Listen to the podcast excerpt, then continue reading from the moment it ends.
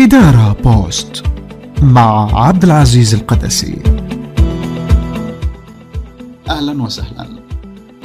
أنت عبد للوظيفة. الوظيفة عبودية.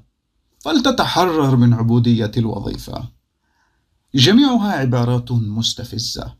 نسمعها من أعلام أو نسمعها من مروجي الريادية الخادعة.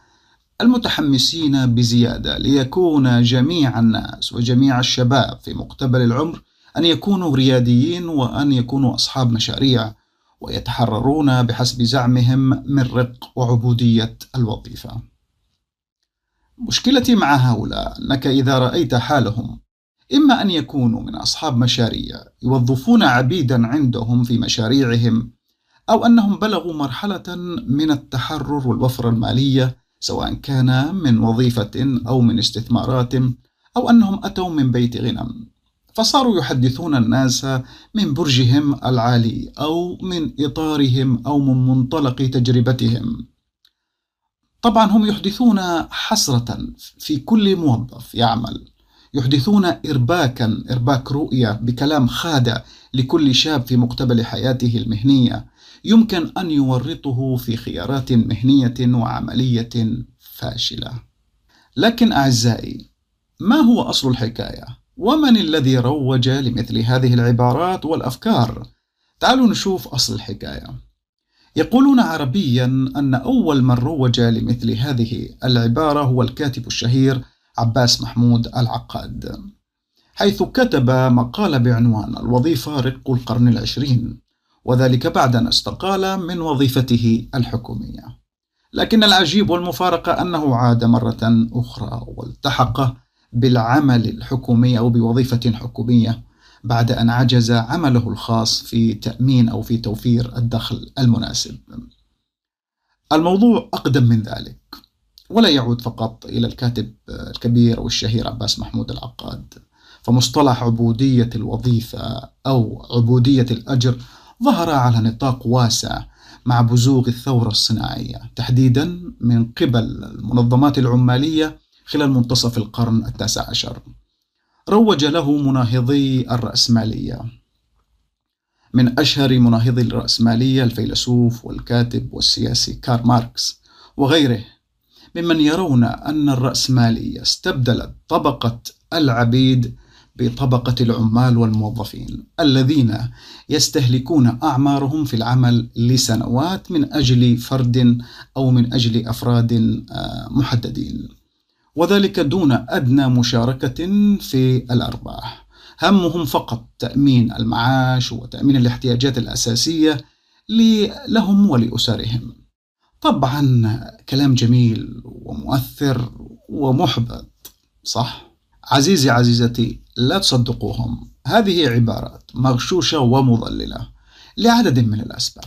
أولا لأنها أصبحت للأسف موضة أو إكليشة لتسويق الريادية تستخدم من قبل مروجي الريادية الخادعة أو مروجي البرامج التدريبية وتقديم صورة مزيفة فانتازية عن واقع عالم ريادة الأعمال. إباحية ريادة الأعمال كما وصفتها إحدى الكاتبات في مجلة Harvard Business Review الشهيرة. يروجون لأن يصبح الجميع ريادي أعمال مؤسسي مشاريع. اترك الوظيفة وهلم إلى التحرر إلى الحرية. ابحث عن شغفك ودعك من رق وعبودية الوظيفة. وفي الأساس هم يبحثون عن ربحهم أو يسوقون لبرامجهم. ثانيا لو الكل ريادي من الذي سيعمل؟ من الذي هيشتغل؟ على رأي توفيق الدقن الكل بقت فدوات أمال مين اللي هينضرب؟ من الذي سيبني المدن؟ من الذي سيقيم المصانع والمباني ويدير المصالح الحكومية؟ أنت يا من ستترك الوظيفة وتذهب وتذهب لتقيم مشروع. من الذي سيعمل في هذا المشروع؟ أكيد مجموعة من العبيد الذين سوف تسخرهم. وقرايل الدنيا. الناس كلها بقت فتوات أمال مين اللي هينضرب؟ ثالثا الإنسان يحتاج إلى أخيه الإنسان هو مخلوق اجتماعي وتعاوني. يحتاج إلى أخيه الإنسان. للعمل كفريق للتعاون للشراكة أحتاج إلى أخي الإنسان أو للأفراد الآخرين ليبنوا لي بيتا لأن يصنعوا لي طعاما لأن يقدموا لي خدماتا. أحتاج أن توفر لي الدولة الأمن وأن تدافع عني وغيرها من الأعمال والخدمات التي تحتاج إلى تعاون وتضافر الجهود البشرية. رابعا في الأصل العمل في أي وظيفة هو أمر اختياري. وليس إجباري. ففي الوقت الذي تحب الوقت الذي تحب أن تغادر فيه هذا العمل أو تتركه أو تشعر أنه لا يلبي احتياجاتك اتركه وقدم استقالة فورا. لكن أعزائي متى نقع أسرى أو ضحايا للوظيفة؟ تعالوا لنسير المقولة. متى تكون عبدا للوظيفة أو تصل إلى مرحلة الاستعباد أو استغلال أصحاب العمل لك؟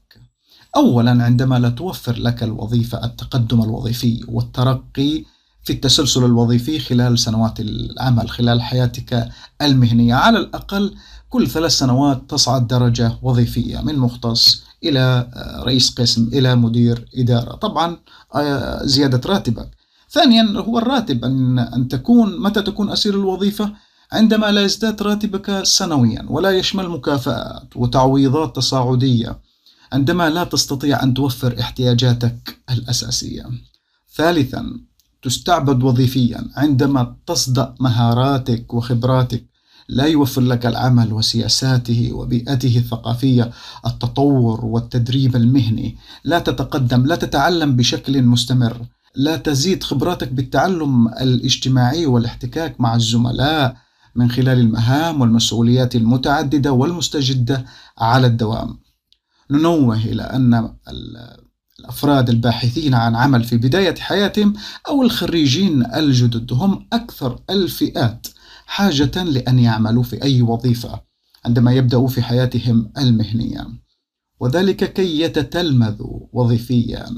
ويقوى عودهم المهاري والخبراتي أن تكون هذه الوظيفة مصدر أو فرصة للتقدم والمعرفة وإبراز مكامن تميزهم.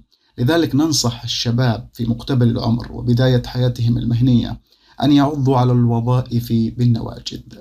رابعا تقع في أسر الوظيفة عندما تكون بيئة العمل سيئة سيئة نفسيا وصحيا تتعبك نفسيا وجسديا. خامسا يمكن أن تقع في رق الوظيفة إذا كنت لا تستطيع من خلال دخلك الوظيفي أن تدخر تدخر مبلغ معين جزء من هذا الراتب. تدخره لتبدأ في التحرر المالي من خلال استقطاع مبلغ للاستثمار فيه سواء الاستثمار في بورصة شراء عقار أو سيارة أو أملاك. الدخول في شراكة بمشروع بالعموم. لابد أن تكون هذه الوظيفة بمقدورها أن توفر لك دخلا جانبيا متبقي كي تسمح لك أن تعيش الحياة التي تريدها بعد الوظيفة أو حين تبلغ مستوى معين من التحرر المالي. سادسا الوظيفة تكون سيئة كالعبودية عندما لا تندمج ولا تتوحد معها مع بيئة العمل، عندما لا تحقق من خلالها قيمك الخاصة قيمك في الحياة أن تشعر بمعنى حياتك أن تشعر بالارتياح والرضا والسعادة. طيب السؤال الآن متى أترك الوظيفة أو أتجه إلى العمل الحر؟ متى أقدم استقالتي وأتجه إلى تأسيس مشروع خاص بي؟ في الحقيقة هناك عدد من العوامل. إذا ما توافرت لديك كان الوقت مناسب لأن تقدم استقالتك وتتجه إلى العمل الحر. لكن في البداية يجب التأكيد على أن الناس والأفراد يختلفون في القدرات والملكات. هنالك من لديه قدرة إدارة وقيادة المشاريع وقيادة البشر وتوجيههم وتحفيزهم المخاطرة والمغامرة المدروسة. هذه ملكات أحيانا قد تكون ملكات ذاتية شخصية خاصة بالفرد نفسه أو نماها عن طريق التعلم والتدريب. هنالك أفراد يرتاحون أو يفضلون العمل كمعاونين ومساندين شركاء نجاح لا يفضلون المغامرة والمخاطرة. اعرف نفسك من أي صنف أنت. تعالوا معي لنعدد أهم العوامل التي إذا ما توافرت انتقلت من الوظيفة إلى العمل الحر. أولا تنتقل من الوظيفة إلى العمل الحر عندما يكون الوقت مناسب بالنسبة لك. عندما تكون قد اكتسبت المهارات والقدرات والخبرات اللازمة والكافية للبدء بمشروع خاص. طبعا لدينا سلسلة حلقات بعنوان كيف تؤسسوا مشروعا خاصا بك؟ أنصحكم بمتابعته. آه هناك دراسة يعني قد تفاجأ أن الوقت المناسب لي ليس من الضروري أن يكون في مقتبل العمر في العشرينات. وجدت دراسة أن متوسط العمر الأفضل لتأسيس شركات ناشئة يقع ما بين 29 سنة إلى 45 سنة. إذا أعزائي أهم عامل هو أن تكون لديك المهارات والقدرات والخبرات اللازمة والكافية للبدء بمشروع خاص. الريادية الخادعة أو المخادعة أو المغشوشة هي أن تسعى وراء أن تكون من الرياديين وأنت لا تمتلك الحد الأدنى من القدرات والمهارات بل والصفات والسمات المؤهلة ومن أهم هذه الخصائص والقدرات هي امتلاكك لمهارات العلاقات العامة والمهارات الناعمة التي هي من أهم المهارات ما يجعلك قادر أقدر من غيرك على البدء بمشروع أو على إنجاح مشروع. أمر آخر أعزائي من الأفضل أن تبدأ في الإعداد والتخطيط لمشروعك الخاص أثناء العمل في الوظيفة وبعد ذلك تقدم استقالتك لتتفرغ لمشروعك بيل جيتس يقال دائما أنه ترك الجامعة ليتفرغ لتأسيس شركته في الواقع ولم يتخذ هذا القرار إلا بعد عام كامل انتهى فيه من تطوير برمجياته. ستيف جوبز وشريكه مؤسسا شركة Apple استمر في وظيفته النظامية لمدة عام بعد اختراع Apple 1 أيضا عزيزي تكون جاهز للبدء بمشروعك وترك عبودية الوظيفة عندما يكون لديك اكتفاء مالي أو ملاءة مالية كافية.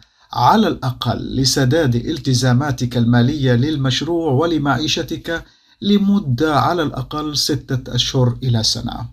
أيضا تكون قادر على أن تعمل لساعات طويلة قد تصل إلى أكثر من عشر ساعات في اليوم لتأسيس المشروع في الأخير ولإنجاحه. يقول إيلون ماسك: أنا مستعد أن أعمل في مشاريعي الخاصة 16 ساعة بدلا من أن أعمل لشخص آخر ثمان ساعات. في الختام لا تصدقونهم، لا يغشونكم، لا يبيعونكم الوهم. حافظ عزيزي على وظيفتك. وحتى يكون لديك القدرة والمهارة الكافية للبدء بمشروع خاص بك، ابدأ بالوقت والكيفية المناسبة. لا تنسوا أعزائي مشاركتنا آراءكم حول الموضوع وكذا الاستماع إلى حلقاتنا الصوتية من برنامج كيف تؤسس مشروعا خاصا بك. وكذا الاشتراك والمتابعة ليصلكم كل جديد من مواضيعنا. إلى اللقاء.